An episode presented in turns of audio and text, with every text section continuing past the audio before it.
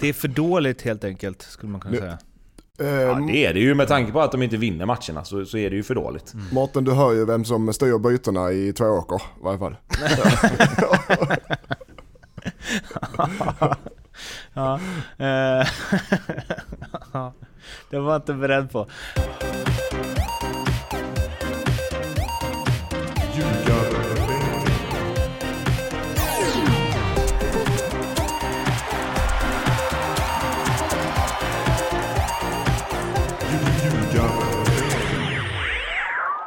Det här är Ljugarbänken i samarbete med NordicBet och eh, som eh, brukligt nu för tiden ska vi börja med att eh, prata om en tvååkervinst.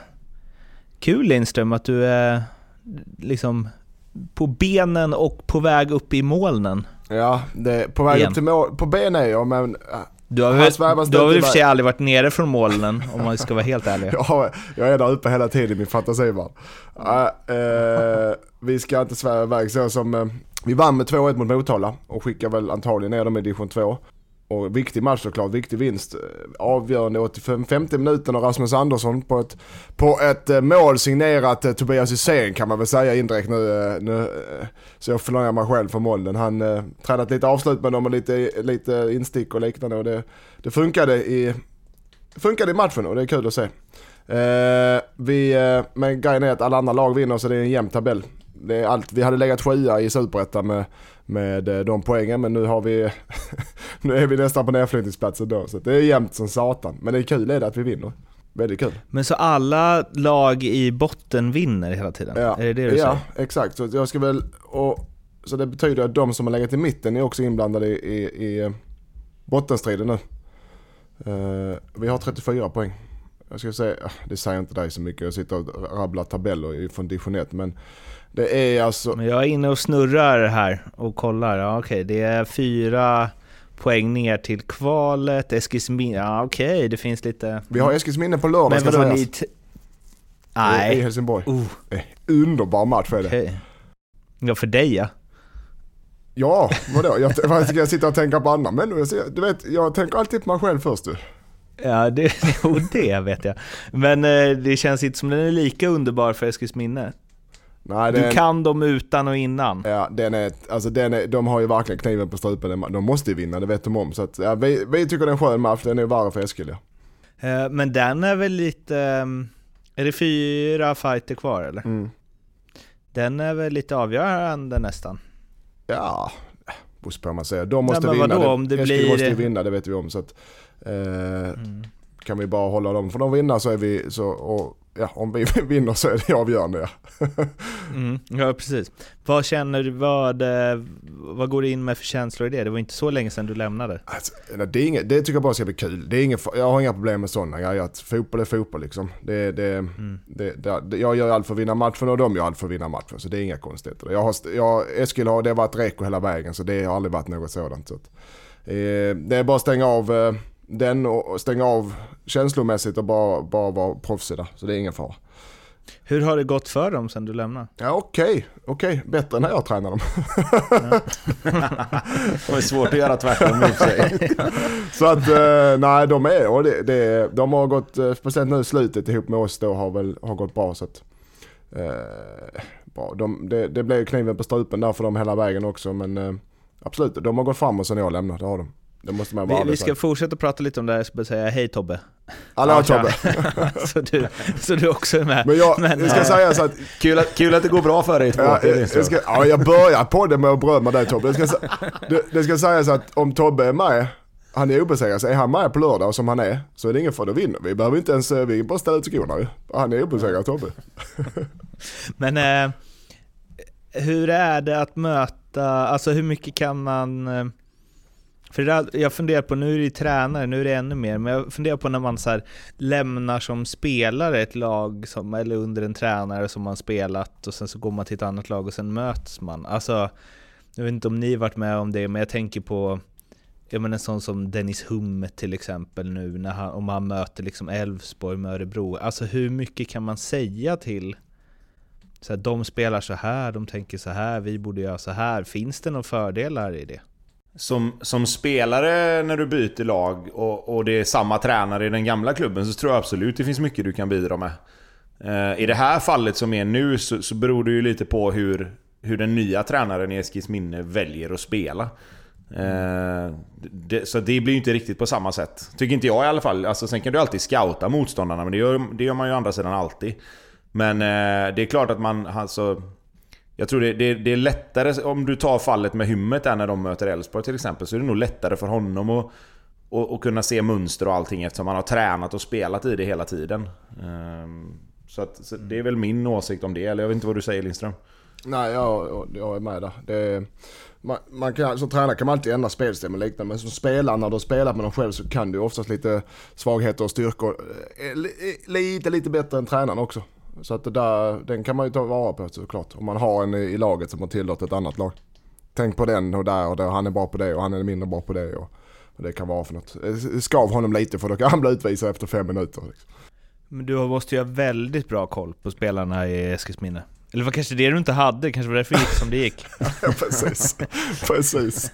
Uh, nej men det har jag väl fått, men, men som sagt. Uh, vi har en bra trend och, och, och jag vill ge cred, så inte jag, jag vill ge cred till Tobbe och även Gustav och Peter men jag vill ge cred till Tobbe för när han har kommit in så med den kunskap och energi han eh, kommer med och jag tycker ändå vi har hittat en bra mix, han och jag där så, så ska han också ha cred här. Men eh, Eh, vi, har ju, vi kör ju på en vinst, vi, vi rider bara vidare. Det spelar ingen roll om vi möter Eskil och vi möter Lindom i nästa match, vi möter Motala. Vi har ju samma ni fokuserar på ert eget spel, eller hur? Ja, exakt. Ja. Och vi har samma ingång till matchen i vilket fall som helst. Så jag måste Kuppfinal. hålla bort mina... Jag måste separera mina grejer för Eskils minne till matchen nu. För jag kan ju inte tänka på någon att så här, så här, utan fan, så här gör vi grabbar. Det här är matchplanen, nu kör vi. Om jag går in på detaljer och börjar prata om sju, åtta olika spelare, det blir inte rätt heller. Men vid en 3-0-seger så kommer ju du hålla upp fingret framför munnen. jag säger till Tobbe, gå bort och ta den här Du får hålla i honom då, ja, ja. ja, det blir koppel och livrem med den här matchen på bänken tror jag. Nej, fan, nu var vi nära igen mot Mota. Då var du nära att dra, dra ner mig igen Tobbas. Då var jag ute och körde igen. Ja men då var du mer, då var du mer irriterad på... Då var det inte domarna så mycket, då var det ja, mer egna spelet som ja, fick sig lite kängor här och där. ja, äh, det, ja det är som det är. Nu är det Allsvenskan. Mjällby mot eh, Östersund och Östersund som ju har ehm, rosat höstmarknaden. De eh, åkte på en smäll mot Bayern och nu var det 3-0 mot Mjällby. Och ja, jag vet inte, de kanske, de kanske känner att den här säsongen blev vad det blev. Nu eh, väntar vi in ledigheten. Jag, jag, ja, men jag, jag, jag fick väl lite den känslan första halvtimmen där egentligen för Mjällby kunde gjort ett par mål till och bara malde sönder dem. Eh, det var, de var inte där mentalt helt enkelt. Eh, Östersund, för kvalitetsmässigt med de här lagen så är det ingen som jag ser det, två ganska jämna lag på pappret och, och på planen och i tabellen. Så att, nej, det var inget... Eh, det, det, det, var en motivationsbrist tror jag från Östersund. Spelade upp sig lite andra halvlek och försökte men var väl aldrig nära riktigt eh, på... på. Så då, jag, jag ska inte säga så mycket men alltså, det känns som deras säsong är över mentalt för spelarna och många av dem att de är nöjda med säsongen med det de har gjort. Nu spelar vi av de här matcherna tänker så de, de, jag tror de kommer få en tuff de sista fyra omgångarna. Av var... ren, alltså vi pratar några procents energitapp. Det var en riktig säsongen över match, eller möte. För det är ju samma sak för Mjällby. Ja men Mjällby, ja. Definitivt med Mjällby. De har inte varit inblandade ändå i och för sig, men nu skakar de av sig. Nu kan de ju eh, teoretiskt inte uh, trilla ner heller så att... Uh, hemmaplan på gräs också, lång resa för Östersund från konstgräs. Lite, lite, lite, lite motivationsbrist kanske ska jag säga för spelarna. Och det räcker på, på två så jämna lag. Um, och det kan, vi kan väl redan slå fast redan nu då eftersom Mjällby kommer spela allsvenskt nästa säsong. Uh, jävla stark, uh, uh, alltså inte bara det, det de gjorde i Superettan i fjol utan att de bara fortsätter på det här. Att de liksom Ja men ligger nia och de kommer väl komma där runt 7, 8, 9, 10 någonstans. Inte 9, den är reserverad, det vet vi. Ja, ja jo det är sant. Ja, men, ja. men de kanske kommer 10, 8, 7 något sånt där. Eh, och eh, det är väl, eh, det är väl en supersäsong. nej men det är klart att de har gjort en kanonsäsong. Uh, man vet ju aldrig med, med nykomlingar. Det, alltså, ibland så blir det jättebra, ibland så funkar det inte alls. Eh, men Mjällby har gjort det jättebra och om, om vi ska titta lite på det vi snackade om Östersund, att säsongen är slut, så tror jag nog Mjällby har de, de har lite mer kvar att, att, ta av tror jag. Jag tror de vill komma så högt upp som möjligt. Eh, jag tror inte att de kommer att och vara nöjda med att, att de är liksom klara. De har varit klara rent... I praktiken är de väl klara nu också, men i teorin har de varit klara ganska länge känns det som. Eh, så det är imponerande. Sen har de ju, sen har de ju får man ändå säga, liksom, fått ut exakt det de ville av Moses Ogbo också. Eh, han har ju gjort de här målen som, kanske inte just i den här matchen nu för den har de nog vunnit oavsett vilka som hade spelat känns som. Men han har ju gjort de målen framförallt i början på säsongen som gjorde att de fick den här skjutsen och medvinden som gjorde att de, att de kunde fortsätta tro på det som, som de har gjort. Så att eh, om man ska plocka ut en spelare, förutom då Löken som jag vet att vi älskar här, men eh, så är ju Moses Ugbo en, en fantastisk värvning för Mjällby. Clutch player. Lite så. Ja, ja, det kan man väl säga. Elfsborg-Norrköping eh, knallar vi vidare till och det var ju ett ehm, eh, Ja men eh, det är också lite så här sex poängs match-ish på förhand. Ehm, Elfsborg vinner 2-1 efter att ha legat under med 1-0 och eh, starkt av Elfsborg och svagt av Norrköping skulle jag säga. Om jag skulle sammanfatta det lite kort. Så här är det. Båda de här två lagen har ju... Alltså, Elfsborg har ju varit en positiv överraskning, verkligen. Med tanke på att jag trodde inte att de skulle få ihop eh, sitt lag så här snabbt som de har fått. De hade en liten, liten dipp eh, i samband med att Jesper Karlsson, eh, ryktena började och att han försvann. Men sen har de tagit sig samman lite, lite grann och jag tycker att det som det som Elfsborg verkar framförallt ha, det är att de har en jävla tro på sättet de spelar på. De har en tydlighet i sättet de spelar på som gör att oavsett vem som Oavsett vem som kommer in så, så vet han vad han ska göra i den specifika positionen han kommer in i. Och jag tror att det om någonting ska man inte underskatta i ett lag. För jag tycker ju liksom inte... Om jag tittar på Elfsborgs startelva. Så, så har de ju en del spelare som jag tycker, okej, okay, men den här, det här är en spännande spelare. Jag menar Per Frick snackade vi om lite innan, att jag tycker att han har varit lite underskattad. Eh, han har ju fått lite mini-genombrott ändå får man ju ändå säga. Han har ju gjort sina mål som han ska göra och kanske kan göra några till i år. Men om du tittar på resten så är det liksom Simon Olsson är en fantastisk spelare. Eh, men har haft väldiga upp och ner innan. Och Komo har de ju fått in som har varit en, alltså en av Allsvenskans bästa mittbackar. Det får vi bara vara ärliga och säga att där har de ju träffat helt rätt också. Eh, Johan Larsson var ju exakt den injektionen, framförallt kanske i omklädningsrummet men även på plan som, som de har behövt. Eh, men sen har de ju fått ut max av de andra tycker jag. Jag menar en sån som Fredrik Holst som har spelat innermittfältare hela året. Vart jävligt stabil och, och tråkig, jobbig att möta. Eh, gör inte så mycket offensivt men, men är extremt viktig för balansen för att få in lite närkampsspel. Speciellt nu när, när norrmannen där, eh, Heltner Nilsen heter han va? Inte riktigt har spelat så mycket som de trodde. Eh, så har de ju liksom fått ut max av honom tycker jag. Så att imponerande lagbygge framförallt av Elfsborg. Sen spelar de bra fotboll, det gör de absolut. Men, men det, är lite, det ligger i Elfsborgs DNA också att göra det. Så att det är inte alltid det har, har fått sådana resultat som det har fått i år bara. Jag, jag håller med, jag tycker... Eh Thelin, det, han, hans första år där när han började jobba med det här sättet, det 4-3-3 sättet att spela. Och du vet, det var tungt, resultaten, det var kritik, det var många spelare där. Framförallt eh, de som var med ett tag som, som var kanske lite kritiska. Men han har gjort ihop med, med, med Andreasson då, rensat, ska inte säga rensat ut, gjort en om, eh, omfördelning i truppen. Fått in lite spelare som verkligen köper sättet att spela på, duktiga spelare, bra mix för spelare och jobbat vidare metodiskt och väldigt, och det måste man göra som tränare, väldigt, väldigt imponerad att man klarar hålla, stå, stå fast vid sin spelidé, hitta de spelare som passar, få ut de andra under en period. Det tar en tid, i en process med, med kontrakt och liknande.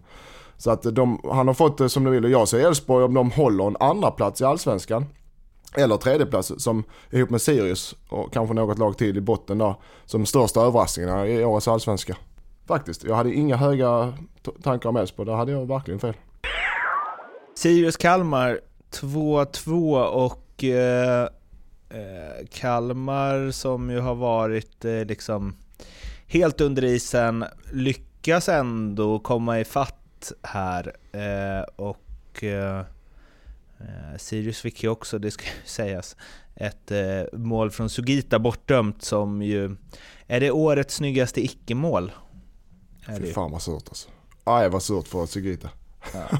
Så får man ju inte... Eller jag vet inte. Visst, han ber om ursäkt och det blir fel ibland, men han har ju precis tagit sig loss. Då får han väl blåsa tidigare. Han kan ju inte vänta till att han ska ta nej. sig loss. Och nej, nej, det är dåligt gjort att dom. och då blåser han. Ja, det är dåligt gjort att domar, men, men vad fan. Och, och jag förstår, vad fan, så ska jag inte säga heller, för det är surt för de inblandade, men menar, han gör ett misstag där och det vet han om. Så det, det, man kan ju inte älta det heller. Han gör en dålig, en dålig insats där i den situationen och det vet han om. Vad ska man göra åt det? Lär, se och lär och, och ta lärdom. Man kan inte... Det är precis som en spelare gör självmål gör någonting där man, ja visst det var dåligt men... Är det någon men... som haft någon snack med någon domare här sen sist eller? Det låter som det. Nej men vad fan, den är så, den är så tydlig att okej okay, det var inte bra gjort men vad fasen ska man göra? Gjort och gjort, man får ju se till så man inte gör det igen. Det är det som är hela grejen. Mm. Ja men vad fan, alltså den är ju så enormt tydlig. Det är ingen, det är ingen ingen eh, bedömningssak och, och, och, är det straff eller inte straff. Här är det att, ja, det är såklart att han, han borde släppt den. Så att, mm. ja, släpp den och gå vidare.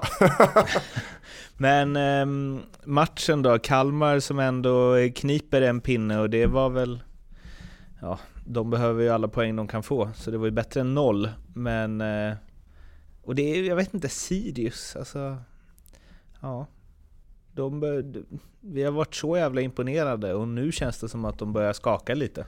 När de verkligen ska hänga i liksom. Fast har det inte varit så ganska många gånger? Alltså, jag, vi, vi, har hyllat Sirius med all rätt för deras sätt att, att, spela och de har fått ut fantastiskt mycket av, av, sina bärande spelare. Vi var inne på det lite innan där också med Vecchia och Elias Andersson och de här att de måste vara bättre och göra mer poäng och det har de ju verkligen gjort. Men ha, ha, alltså, jag börjar bli lite så här, ska man sätta ett litet frågetecken för karaktären i, i Sirius? För att varje gång de har haft chans att verkligen, verkligen hänga på Europaplatserna så har de ju misslyckats egentligen. Mm. För att sen i nästa match vinna och blandas in igen och så blir det vinst och sen förlust.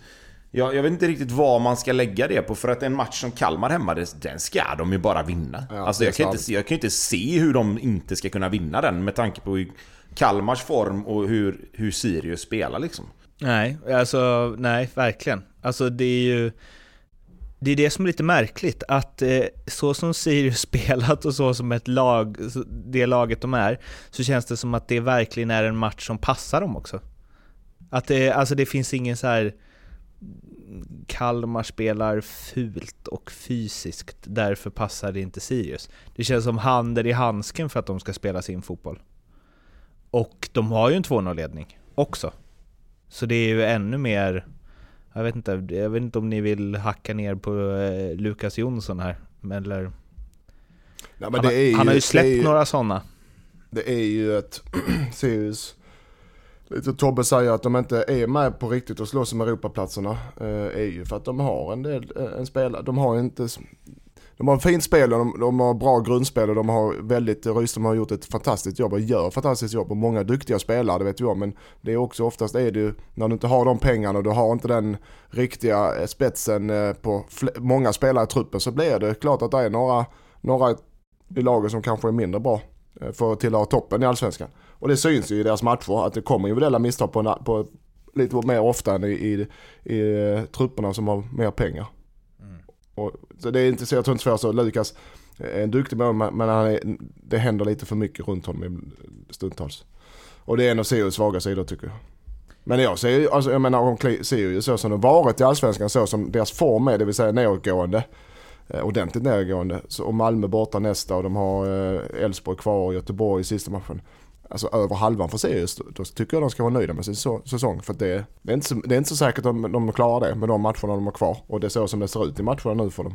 Ja, men eh, som ni vet så eh, gillar jag hockey också. Där eh, har jag haft några diskussioner om hur viktigt det är med att ha en bra keeper. Eh, I fotboll kan det ju gå ibland matcher då målvakten knappt får ett skott på sig, eller så en eller två skott och resten utanför. Hur viktigt är det med en bra målvakt i fotboll? Nu säger jag inte att Lukas Jonsson är dålig, utan jag råkar bara ta upp det i samband med att vi pratar om hans tabbe mot Kalmar. Alltså på, på riktigt. Men eh, hur viktigt är det, ni som har spelat? Hur mycket så här, för i hockey är det ju, eh, liksom, där är det ju 30 skott i alla fall. Så det är ju ganska uppenbart att så här, mm, man känner sig lite tryggare om man har en superbra målvakt. Hur viktigt är det i fotboll? Jo, men det är klart att det är viktigt att ha en bra målvakt. Alltså, en bra målvakt kan ju vara, kan ju vara skillnaden mellan att, att vinna eller komma trea eller åka ur eller klara sig. Liksom. Eh, det är klart att det kan vara så. Sen, sen kan ju bara en målvakt göra... Han kan ju bara göra si och så mycket. Mm. Det, precis som i hockey så kan du ju ha en... Så kan du ha en fantastisk målvakt som räddar eh, hur mycket skott som helst. Men, men Eh, alltså det finns ju någonting i hockey som är liksom, det, det är ju samma i fotboll säkert, det här med high, high danger scoring chances, eller vad fasiken det heter. Beroende på var Beroende på var du släpper till avsluten någonstans. Uh, nu är det mycket mer statistik i hockey, så att de, de, den kanske inte finns i fotboll. Men jag menar, det handlar ju också om varifrån avsluten kommer.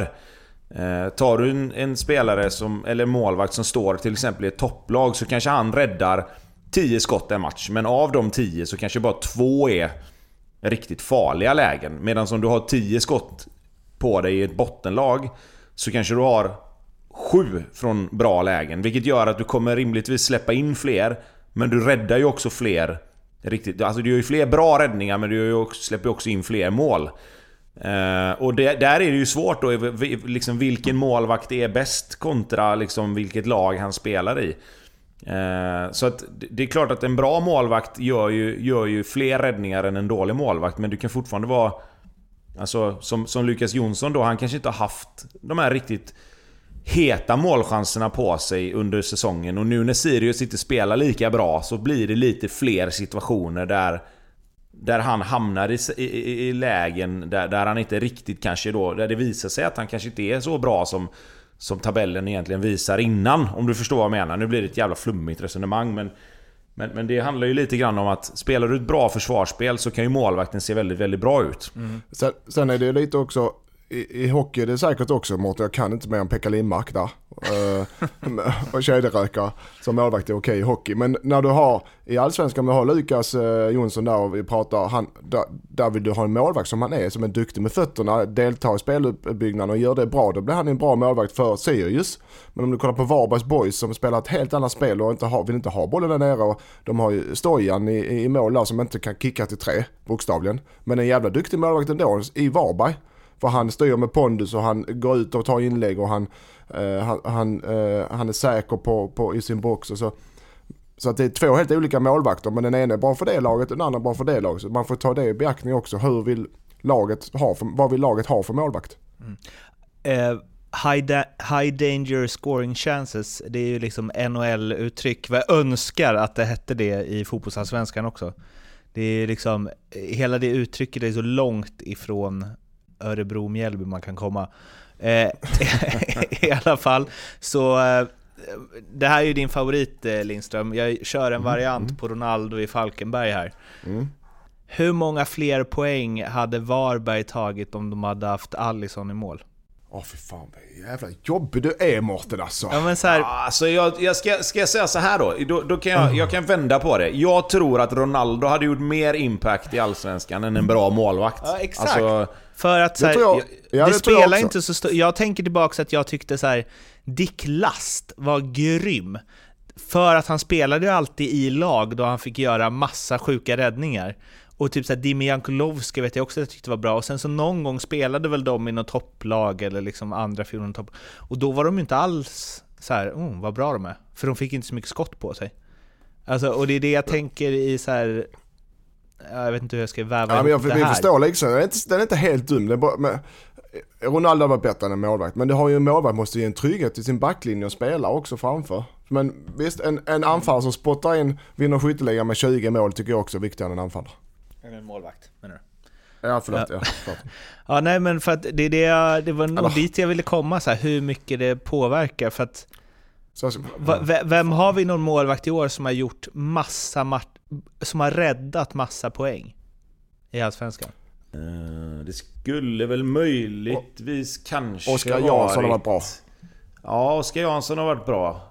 Peter Abrahamsson var väl rätt bra innan han blev skadad va? Tim Rönning. Ja, Tim Running absolut. För jag tänker så här, det jag kommer på överlag, det är ju när, för man pratar alltid om så här, målvakter som gör tabbar och därför är de inte tillräckligt bra. Som typ så här Karius liksom slaktades för den CL-finalen när det så här, han är uppenbart en bra målvakt, annars hade de ju inte gått till Champions League-final. Eh, men eh, David de Gea hade ju något år i United då han gjorde då, då det var så här tydligt, ja, hade inte han gjort så sjuka räddningar hade de släppt in liksom nio mål till. Men det är ju sällan man, att det är så uppenbart att den, alltså du, man hade bara kunnat slänga alla allsvenska målvakter i en tombola och sen bara får de rycka varsin och så hade tabellen typ slutat likadant. Alltså, Nej, det tror jag inte. Nej, okej. För, det är lite, då, för där är vi nog mer inne då på, på Lindströms resonemang. Att ett lag som väljer att använda sin målvakt i speluppbyggnaden på ett annat sätt än, kanske ett annat lag. De hade inte kunnat ha alla målvakter i Allsvenskan. Eh, sen, är, sen är alla målvakter blir ju bättre med fötterna. Så I och med att kravbilden på en målvakt har ändrats i och med den regeln så, så blir ju målvakter bättre och bättre med fötterna. Det är ju sällan du ser en målvakt som är riktigt dålig med fötterna längre. Eh, men däremot så skulle jag säga att det finns ju det finns ju lag, alltså nu, nu ska inte jag, nu ska inte jag liksom vara elak mot, mot Marco Johansson där men han spelade ju inte i Mjällby. Men det märks ju inte när han spelar i Malmö. För att Malmös försvar är ju så jävla mycket bättre. För det var min Om nästa, ta, om vi ska, det var min nästa ta ett fråga. exempel liksom. Ja. Hade Malmö... Så där har, du ju, där har du ju ett exempel på där det kanske är att... Alltså i Mjällby så, så hade inte han sett lika bra ut. Men i Malmö så ser han ut att vara jättestabil. Men där händer ju också saker. Men det, du, han straffas ju inte på samma sätt som man gör i ett annat lag. För att Malmö vinner fortfarande sina matcher. hade Hade Malmö... det blivit, hade det blivit 2-1 till Blåvitt mot Malmö till exempel så hade ju den tabben blivit uppmärksammad på ett helt annat sätt. Hade Malmö vunnit SM-guld med Stojan Lukic? ja. Ja. Snyggt! Vilken härlig... Sånt här gillar jag. Jag hör hur du bara blir mer och mer irriterad eh, Lindström, så vi Nej. hoppar vidare. Falkenberg-Djurgården 3-2 såg man inte riktigt komma och vilken... Eh, 3-2 målet. Ett härligt mål. alltså, det, jag vet inte. Det är inlägget och bollen bara studsar och sen så bestämmer sig vem det nu var, borde jag ju kunna på rak arm. Marcus Mathisen. Ja, exakt. Vilken jävla, vilken jävla nick. det är så tv-spelsnick. Uh, ja, underbart mål, eh, tyckte jag. Det bästa är ju att eh, eh, vår kära kollega Erik Edman skrev ju på Twitter direkt där att eh, skottklocka måste införas på alla dessa förbannade långa inkast. Var inte han så själv en sån som vinner, stod och eh, torkade av Vinner bollen? eh, Falkenberg matchen med två långa inkast och en hörna. Men var inte han själv en sån som stod och torkade bollen i tre minuter innan han kastade? Jo, ja. Eller vad menar han? Att för Ja, han menar att han tycker det är tråkigt att folk inom- kastar långa inkast. Alltså det, att, eh, det, att man, jag måste göra mål på det sättet. Men jag är mål som mål. Hålla dig kvar i allsvenskan och 100 miljoner i fickan och trilla ner i superettan för att du ska kasta snitsiga inkast. Det är en icke-fråga för mig. Är de Finns bra på få- det så gör de. De vann ju matchen på grund av det. Finns få snitsiga inkast. Ja men du, Man kastar med skruv. Den går liksom... Ja, det är framtidens fotboll kanske. Men eh, tung, tung, tung seger ju för Falkenberg. Ja, herregud ja. Eh, och vi ska väl bara, som i en liten parentes, lägga till att det var publik på den här matchen också för första gången kanske på väldigt, väldigt länge. Eh, intressant att höra egentligen med spelare och, och, och allting sånt, om det hade någon betydelse. Eh, framförallt i slutet på matchen kanske när... Nu var det inte jättemycket folk, men det var ändå lite, eh, har man ju sett. det hörs ju. Det hörs ju. Ja, det gör ju ändå det. Ja, det gör ju ändå det. Och jag tror bara själva energin och, och kicken det ger liksom. Och på någonstans känna att okej, vi går ändå mot någonting lite mer normalt. Även om det inte är så överlag i, i varken samhället eller i, i idrotten just nu så var det här ändå en liten reminder om att, att publiken ändå finns. Ehm, och jag tror att Falkenberg fick lite energi av det, både innan och under matchen. Men, eh, men ska vi vara helt ärliga så handlar det väl mer om att Djurgården eh, inte riktigt kom upp i nivå som de har varit de senaste eh, veckorna. Eh, att Falkenberg vinner är, är, fantastiskt jobbat av dem, men, men jag lägger det mer på, på Djurgården än, vad, än att Falkenberg var så mycket, mycket bättre än vad de har varit innan egentligen. Ja, jag tycker, just det här med publiken var lite, jag tror det var avgörande. Vet, eller, mer än i andra matcher. Varje gång fast Falkenberg fick en fast situation och det fick de mycket med inkast och hörnor och du vet publiken ställde sig upp och klappade och skrek. Det var ju målchans varje gång de hade fast situation och Vaj och darrig ut ute. Och, och de gör ju tre mål på, sin, på sina fasta så att där fick de eh, eh Djurgården verkligen ur balans. Radetinac fick in som högerback för att Vittre blev skadad på uppvärmningen. Den är också en sån, en sån ändring så tätt på matchen är inte optimalt. Eh, jag tycker också det är slarvigt av Djurgården för att, att de inte kan gå ner och städa av en sån match. Men cred till Fal Falkenberg som i andra halvlek spelar, första halvlek har de inte mycket boll, eh, ligger lågt och väntar. I andra halvlek spelar de upp sig och, och får mycket boll fast på Djurgårdens planhalva. Så att, bra Falken, väldigt bra och starkt av Falkenberg med, med publiken i ryggen där och underprestationer av Djurgården utan tvekan. Men det ger lite spänning till vår kära allsvenskan nu. Det har blivit dags att ringa upp Leopold Neurath på Nordic Bet för att prata lite eh, specialspel. Tja! Ja, hallå. Hej. Li äh, Lindström försvann iväg på toaletten så vi tänker att vi passar på. ja. Det är lika bra. Tjena Leo! Ja, Nej, han är tillbaka. Typiskt. Ja, men det är för jävligt att ni ska behöva ringa mitt i natten för att prata fotboll också. Vad sa du? Va? Det är för jävligt att ni ska behöva ringa mitt i natten också för att prata fotboll. Mitt i natten? Var är du? Nej, men jag är hemma med, för normalt sett så sover jag vid den här tiden. Jaha. Kära lyssnare, ni som inte vet, klockan är kvart över nio. Ja. På förmiddagen. ja, det är ett tufft, tufft liv du lever. Jag har en del saker att ta upp med er här faktiskt. Mm. Jaha. Eh, ja, jag tänkte faktiskt börja med Lindström här. Mm. Jag undrar, jag, jag, jag bara rent tillfälligt in, eh, tillfälligt in och kolla eh, tabellen division 1 södra här. Då undrar jag hur det känns att man som när man som tränare får sparken och sen ser man att tränarbytet ger sån effekt att Eskilsminne skulle faktiskt toppa tabellen efter den tidpunkten att man lämnar. ja, vi var faktiskt inne på det innan. Uh... Ja, fast vet du vad vi var inne på Lindström? Jag frågade hur har det gått för Eskilsminne sen du lämnade och du sa att ah, det har gått helt okej. Okay. Men, men nu är du ute och reser, uh, helt ute och reser. Jag, det, jag, vad fan snackar de om?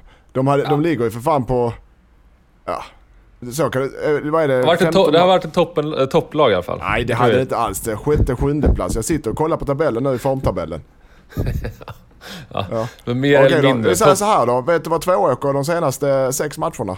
Ja, ja men det... Och vet, du, vet du hur den... Kan du gissa? Vet du hur det benämns, eh, Lindström? Hysén-effekten. Ja. Ja, just det.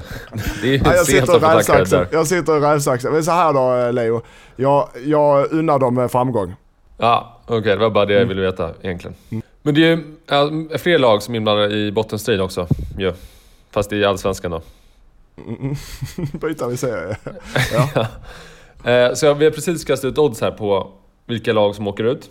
Och eh, ja, hur ställer ni er till exempel mot Falkenberg mot Helsingborg? Vad tror ni?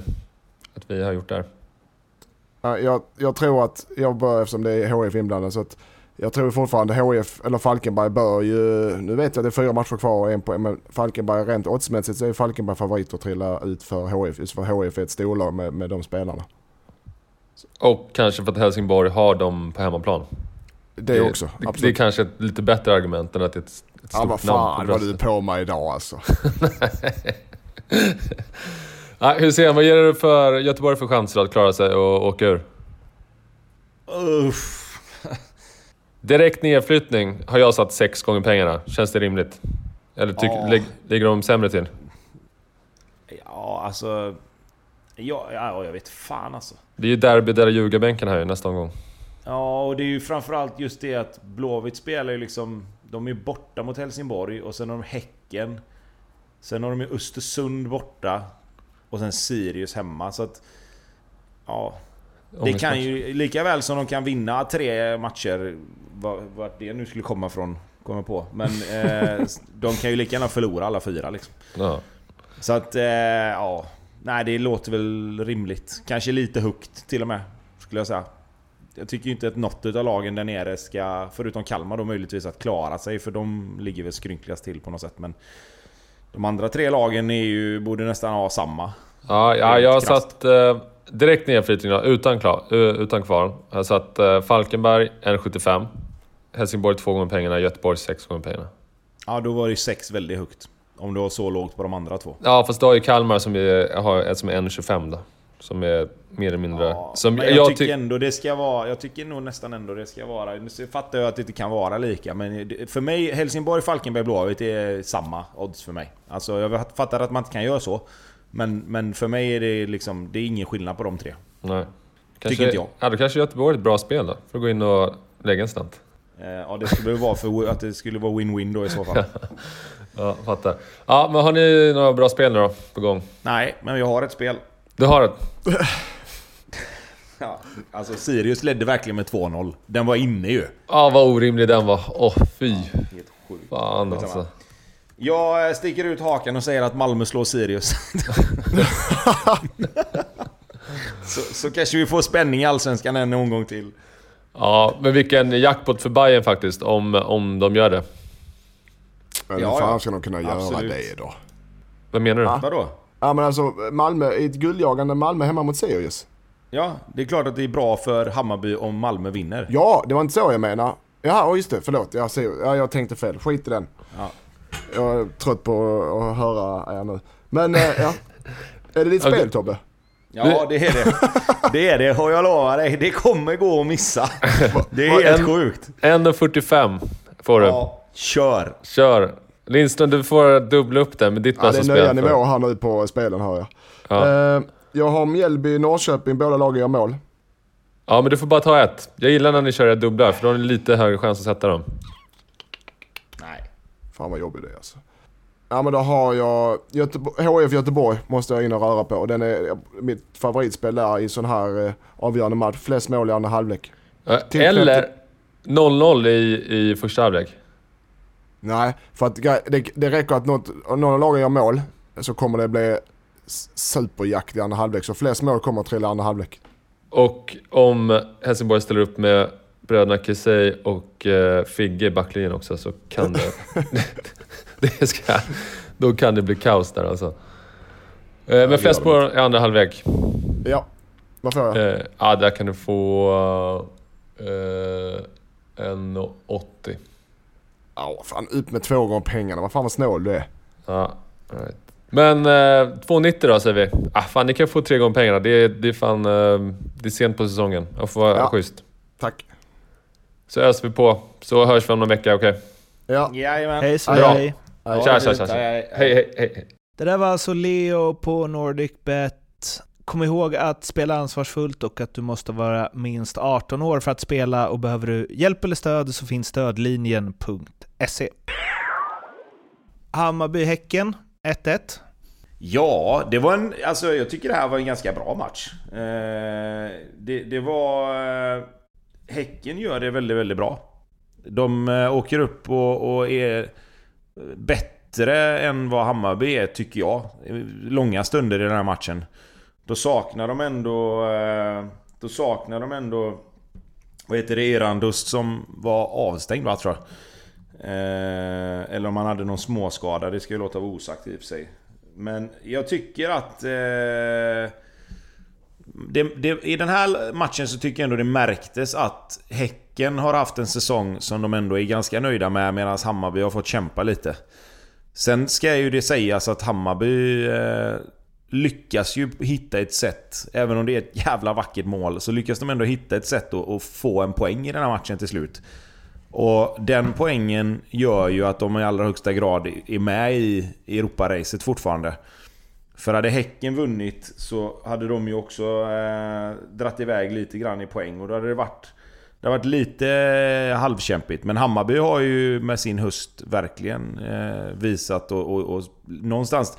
Det var lite samma förra året, att de bygger inför nästa år. Eh, det som de måste göra nu är att de måste verkligen bygga vidare på det som de har gjort på hösten här nu. Och, och krydda med det som de hade förra året. För nu är det mer... Nu har de blivit lite stabilare tycker jag. Att de, att de liksom ser till att... Okej, okay, de åker till Östersund och, bara hämtar hem tre pinnar där. Och måste kunna följa upp en sån prestation med en, en prestation i nästa match. Eh, och det är där de har lite problem fortfarande, tycker jag.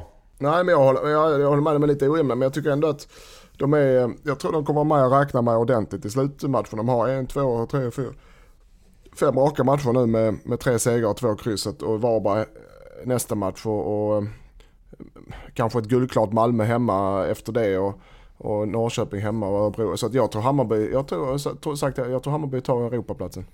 Och den poängen nu mot, jag tycker också Häcken var det, borde förtjäna att vinna denna matchen. Men, men att de tar med sig den poängen i 90 och kör där, den är, det är moraliskt viktigt för dem inför, inför, inför de sista fyra matcherna. Så jag, jag, jag håller Hammarby på Europaplatsen fortfarande.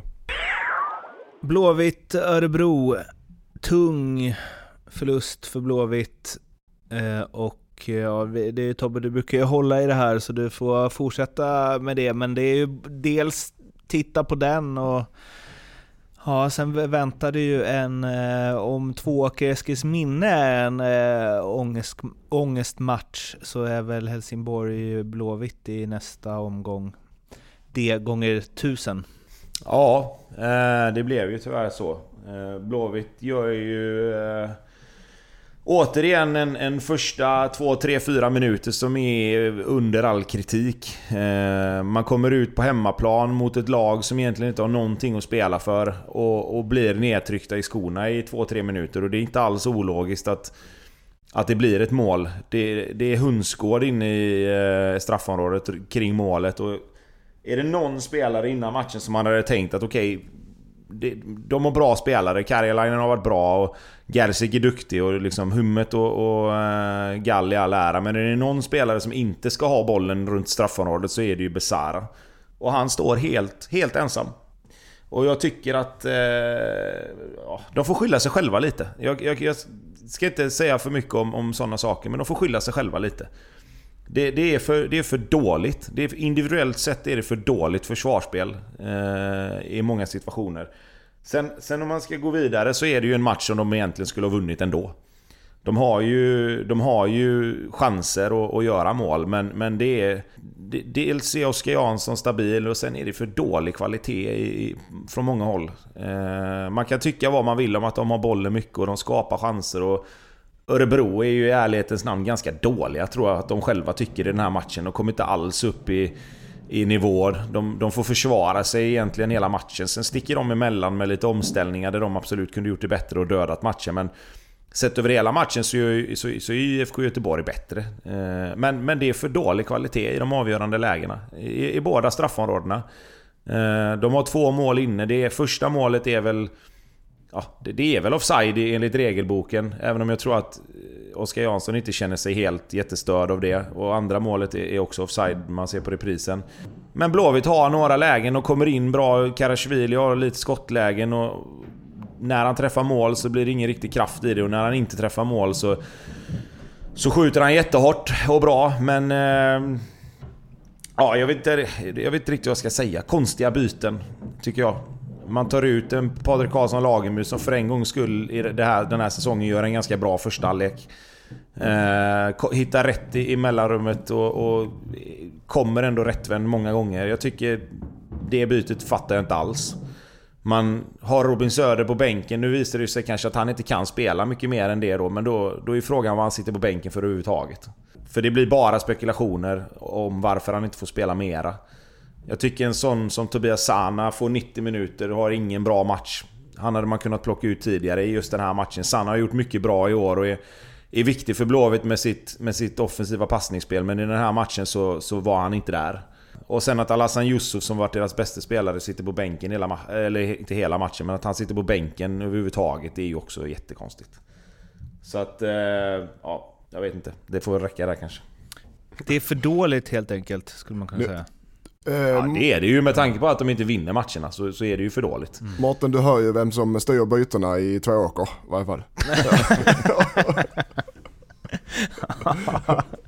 Ja, eh, det var jag inte beredd på. Eh, Men eh, Lindström, vill du eh, tillägga något eller?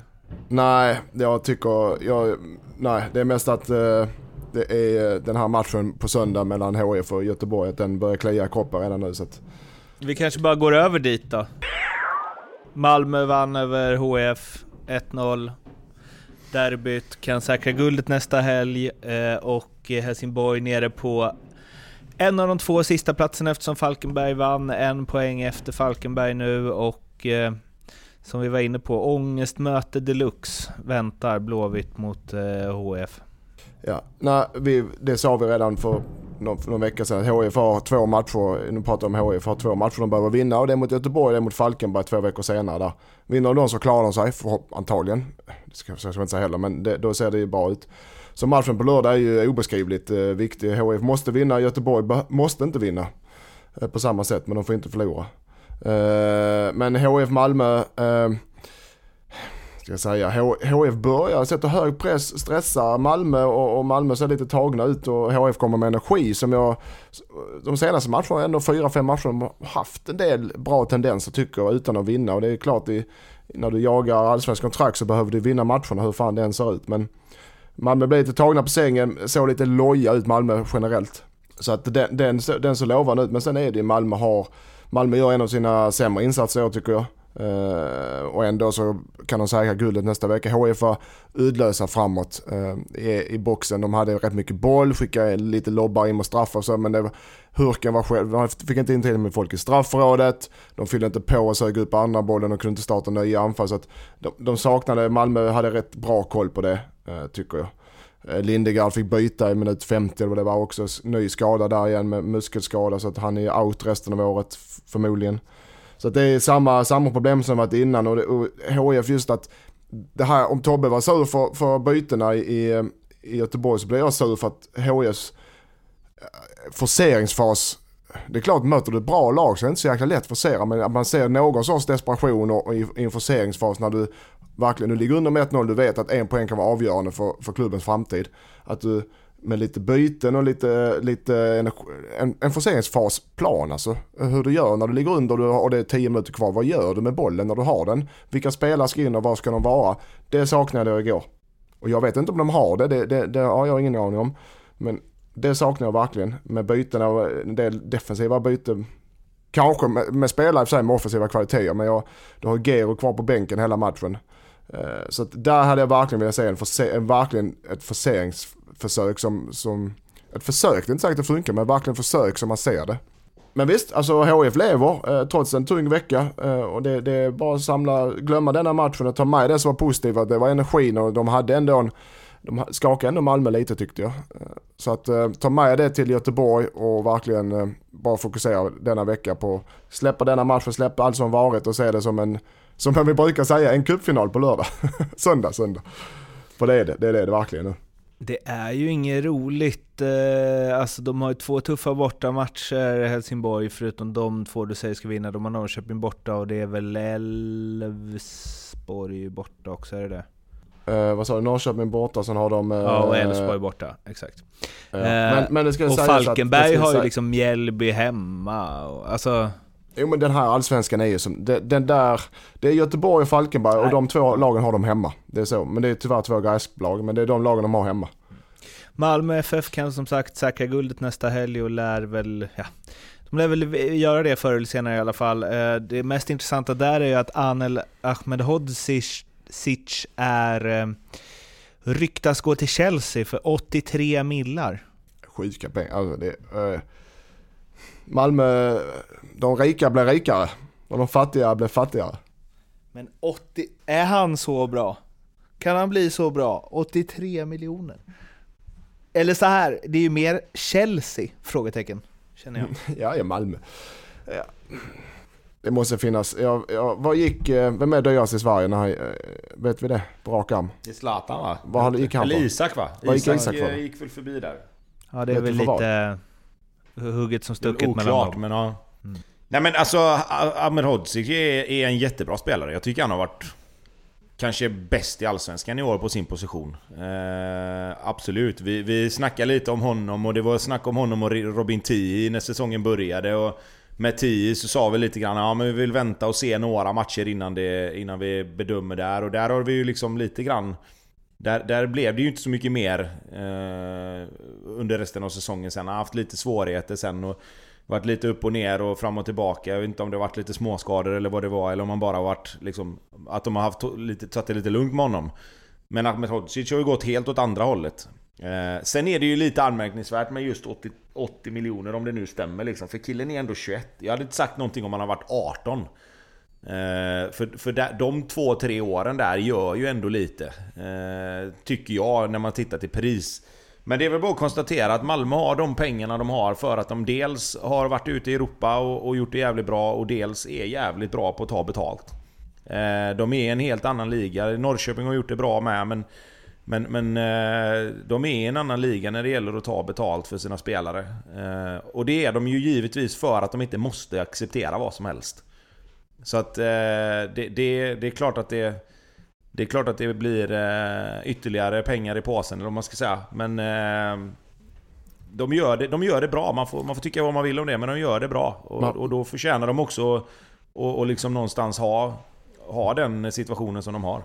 Man, man får, jag, jag är helt rätt, alltså, jag vill inte sitta och berömma men det får man ju göra vissa stunder. Att eh, det de gör med Anel är att först är han i Malmö, får inte spela låna ut till Hobro i Danmark och få spela 20, av, 20 matcher för start över det. Och sen flytta tillbaka, då kallar Malmö tillbaka och då är han redo. Istället för att låta han sitta där och, och, och i de här U21-matcherna eller låna ut honom till någon, någon, mindre klubb någon annanstans så, så får han de, de, är kloka där med hur, vad gör med vad spelare som är duktiga men som kanske inte är redo just nu. Där är de duktiga och ser ett steg längre så det ska de ha cred för. Ja, för det är ju inte första gången de gör så här. Nej, alltså, om, vi kan ju backa bandet ganska långt. Alltså Marcus Rosenberg gjorde de likadant med. Pavel Cibicki gjorde de likadant med.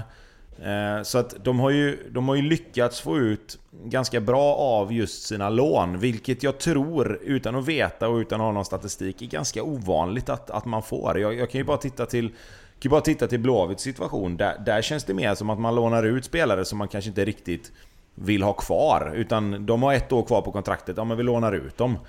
Det är ju exakt så som Malmö har gjort tycker jag, som man ska göra med unga spelare. Att de som är näst på tur, som man verkligen tror ska kunna ta det där sista steget. Och fan, låt dem spela 20-25 matcher i ett lag där de får spela och där de får utmanas och kanske liksom verkligen kämpa. Istället för som du säger, de här U21-matcherna som... Visst, för, för, för, för de allra yngsta som är i A-truppen så är de jättebra matcher, för de är på den nivån. Men, men för en sån som Ahmed Hodzic så hade inte de matcherna... De har inte utvecklat honom. För han är lite... Han kanske inte var tillräckligt bra för att spela i Malmös A-lag, men han är för bra för att spela i U21-serien. Men det är väl det som är också, Det är väl det man kan göra också om jag ska försvara andra lag, Blåvitt till exempel. Du kan ju göra så om du har tillräckligt bra spelare i A-laget. Eller för många av dem, precis som Malmö har. Det, det, finns ju ingen plats för deras bästa talanger. Medan om man har en svagare trupp så kanske man ändå vill ha dem around där. Ifall... Ja, men kolla, men, uh, vi säger i Tvååker nu så har vi, vi har ju Varberg, Falkenberg, IFK Göteborg och Halmstad. Vi har jättemånga klubbar i närheten så vars, vars de här spelarna vi pratar om är, är vi kollar på att ta in hos oss. Där har du ju Varberg en sådan vi har, där är ju tre, fyra spelare hos oss som är från Varberg. Eh, boys, och det är ingen, eh, det, de har inte en trupp som Malmö FF. Så att det, det, det är ingen u serie i år för den är inställd och, och den u serien är ju det är väldigt eh, give and take. Alltså det är upp och ner som verkligen. Så att det, jag, jag tycker också att de här, och det ser vi bara på Frej nu när Hammarby ska in där och vända upp och ner. att de här att spela i, i Sverige då, i ettan eller i superettan för, för kanske en duktig allsvenska spelare är den bästa utvecklingen för att sedan ta nästa steg till allsvenskan utan tvekan. Och då tycker jag att ett samarbetsavtal behöver inte betyda att okej, okay, nu ska han spela där i, i, tre år utan man kan ju plocka, inte så som man vill, men det finns ju olika regler på hur man kan styra övergångarna. Men och sen tycker jag så här också att det, det där är ju skillnad från fall till fall med. Alltså ja. jag tycker man får pinpointa, okej okay, här har vi nu liksom i, i, U, i U16, U17, U18, U19 som oftast liksom är ihopbakat till i alla fall två lag. Så har vi, okej okay, här har vi tre spelare som vi tror, de här tre spelarna de är liksom internt är de här tre som kommer bli nästa, liksom, de ska upp i A-laget på sikt. Hur får vi de här tre spelarna att utvecklas på bästa möjliga sätt? Då kan den ene vara att okej, okay, men den här vill vi ha med i A-laget och träna för han kommer få göra sina inhopp, han är längst fram av dem. Den här spelaren kommer inte spela A-laget, vad fan, han kanske ska spela seniorfotboll då? Det, jag, liksom, jag, jag har haft diskussioner med, med Hannes Stille som är tränare i Blåvitts U19 och han ser ju absolut fördelar med att spela matcher i, i lägre divisioner för att du får en annan tuffhet. Men att träningsverksamheten oftast då kanske är där det brister lite. Att du får inte tillräckligt med träning. Att belastningen eller loaden för de unga spelarna blir inte tillräckligt om du ska låna ut dem och att de bara ska vara om man säger i sin, i sin låneklubb. Men jag menar nu är det ju så pass, nu är det ju så pass bra och liksom så pass mycket liksom om och kring de flesta föreningarna att där måste du kunna göra ett individuellt program då. Då får väl han komma ner och träna med det laget han ska spela match. Då får han väl träna tre gånger där och spela match. Och så får han väl träna en eller två gånger uppe hos sin, sin ordinarie förening eller vad man ska kalla det. Alltså jag, jag tycker ju att matcherna är det absolut viktigaste. Där måste man hitta en lösning för de unga spelarna, för de måste spela matcher. Det är liksom, titta på de unga spelarna som är då i Blåvitt nu, som inte, som inte spelar från start. De, de har inte spelat match på hela året egentligen. Alltså många av de här spelarna, de, de tränar varenda, varenda, varenda, varenda dag, men det är inga matcher. De får inte spela match överhuvudtaget. Det gäller inte bara Blåvitt. Nu tar jag Blåvitt som exempel eftersom jag vet hur det funkar där. Men det gäller ju alla unga spelare, alla lagen nu när det inte har funnits någon u serie De får ju inga matcher. I två åker får de. Absolut. Där är alla välkomna. Det man inte kan låta bli att undra är ju hur loaden i high danger scoring chances såg ut när AIK mötte Varberg. Det hände inte mycket den. Men, men, och det ska sägas att Varberg gick ju di, åkte ju dit med, med just att med den jag ska inte säga så heller, men taktik att stänga ner AIK och så att vara stabila precis som har varit de senaste matcherna. Jobba hårt, eh, stänga defensivt och, och sedan jobba till sig några målchanser offensivt men, med sina duktiga spelare. Men de, de gjorde nästan rätt, de klarade tyvärr inte att göra det, skapa tillräckligt offensivt, de skapade nästan ingenting. AIK vann i en ganska tråkig och tillknäppt match där när Varberg spelar jämt mot AIK, det ska de ha cred för.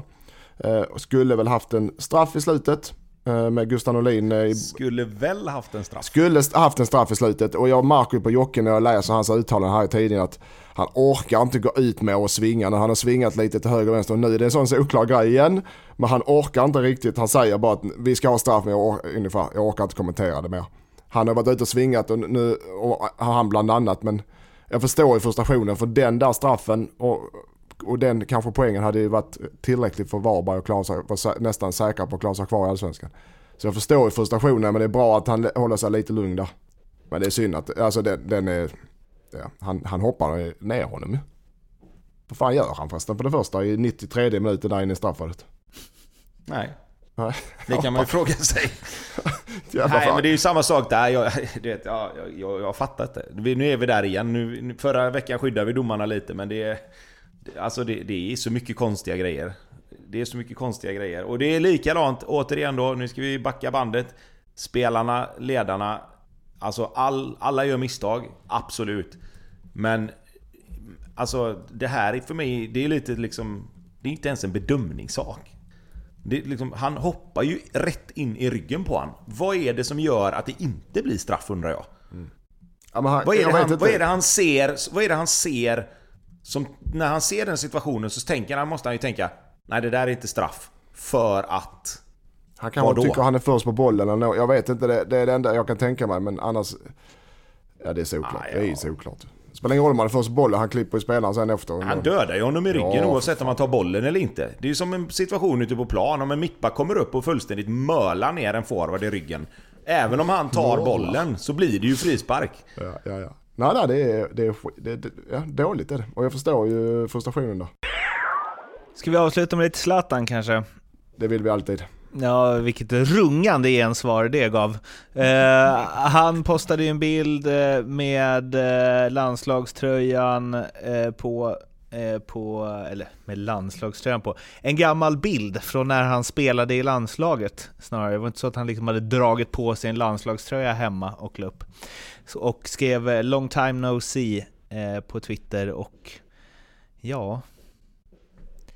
Vad tänker vi? Är det en ny paddelhall eller har han blivit lite sugen på att kompanera med Janne? Jag vet inte var han är med på. Han nu leder han skytteligan i Italien eh, och det tycker man automatiskt om det, om det inte hade varit eh, historia nu som det har varit med Zlatan och landslaget. Att okej, okay, leder man skytteligan i Italien i topplag så ska man vara med i, i, i landslaget. I, I svenskt landslag generellt tycker man ju så. Men det är så som det varit med Zlatan nu de senaste, det senaste året med Janne och alla påhopp och hit och dit och uttalanden så jag ser ju fortfarande inte att Janne kommer ta med i landslaget. Hur många mål han än gör i Italien. Jag, jag, jag, det tror jag verkligen inte han kommer att göra.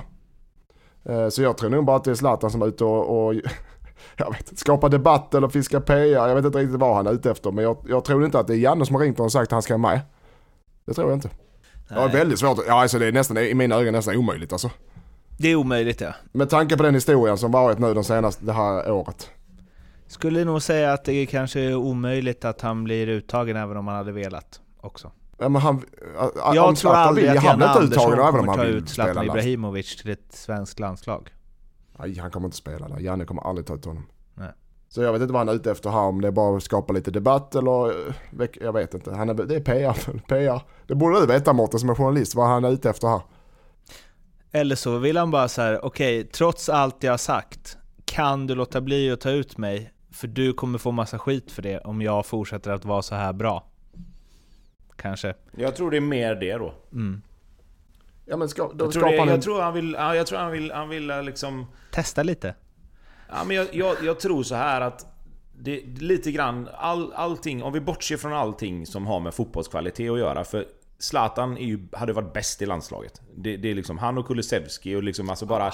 Alltså tanken på att få de spelarna i samma lag är, är ju jävligt kittlande. Mm. Så den diskussionen kan vi väl bara lägga åt sidan. Mm. För många gånger har det varit så här: okej okay, men är han tillräckligt bra fortfarande?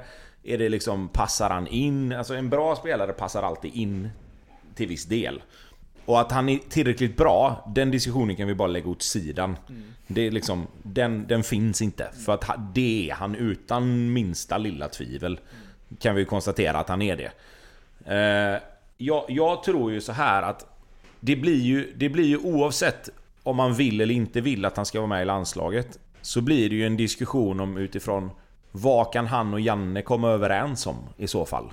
För att det är som du säger Lindström, Jan Andersson kommer ju aldrig någonsin ta med Zlatan i landslaget om inte Zlatan typ nästan går ut och bara jag, jag kan ha varit snett på det med vissa uttalanden. Jag ville skapa en debatt om, om, som vi har pratat om, att den debatten ska absolut finnas. Den måste finnas, för det finns ett problem som vi har varit inne på. Men kanske inte just på den här nivån det ska tas upp.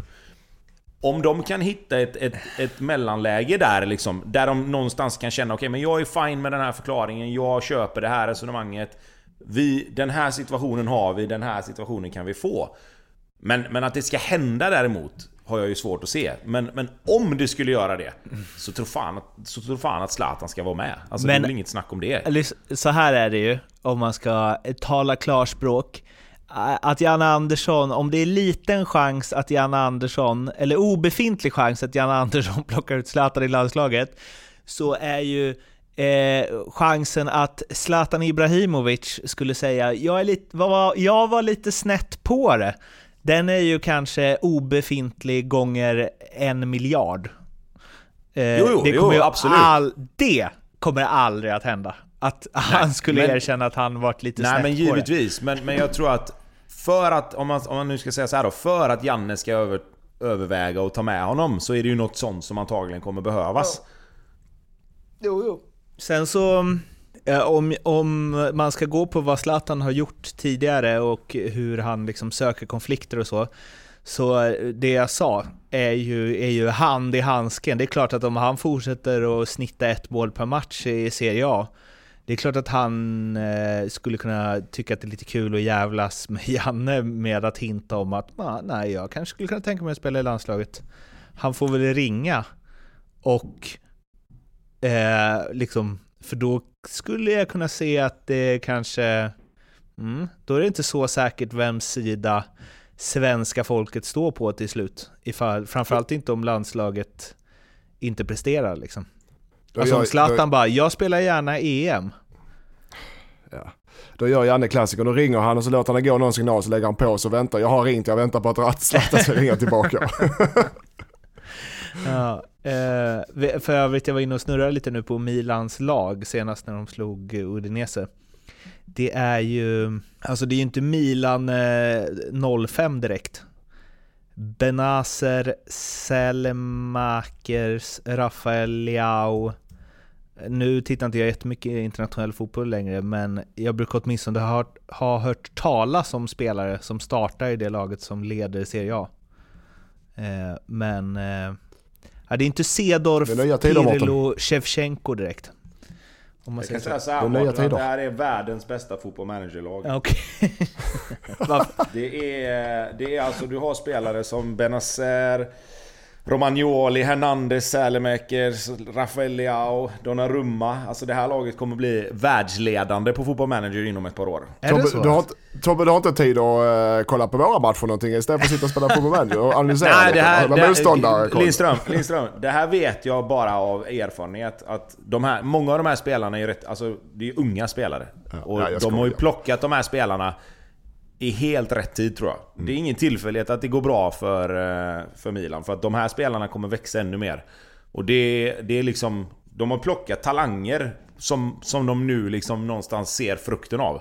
Så mm. att det är inte 05 i, i Milan överhuvudtaget, det ska man absolut inte säga. Men ger det 2-3 år så tror jag att många av de här spelarna, med, med fortsatt utveckling så kommer vi snacka om de här spelarna, inte i samma liksom, återigen, jag jämför inte på något sätt, men de kommer att vara mer välkända för alla andra eh, runt om i Europa än vad de kanske är precis just nu. Det är nice att de tryckte in Simon Kjär där också, mitt i alltihopa. Mm. Nej, eh, var skönt, lite Milan-snack. Börjar i Tvååker, slutar i Milano, som sig bör. Vi eh, hörs igen eh, nästa vecka när, ja vi får se om allsvenskan avgjorts då, men framförallt är det ju Helsingborg Blåvitt som jag kan tänka mig att vi kommer prata ett och annat ord om i den här podden. Tills dess finns vi på Twitter, Instagram, Facebook. Det är bara att höra av er eh, om ni vill något så svarar vi i mån av tid. vi eh, hörs igen då. Må gott, hej då! Hej hej! Hej hej!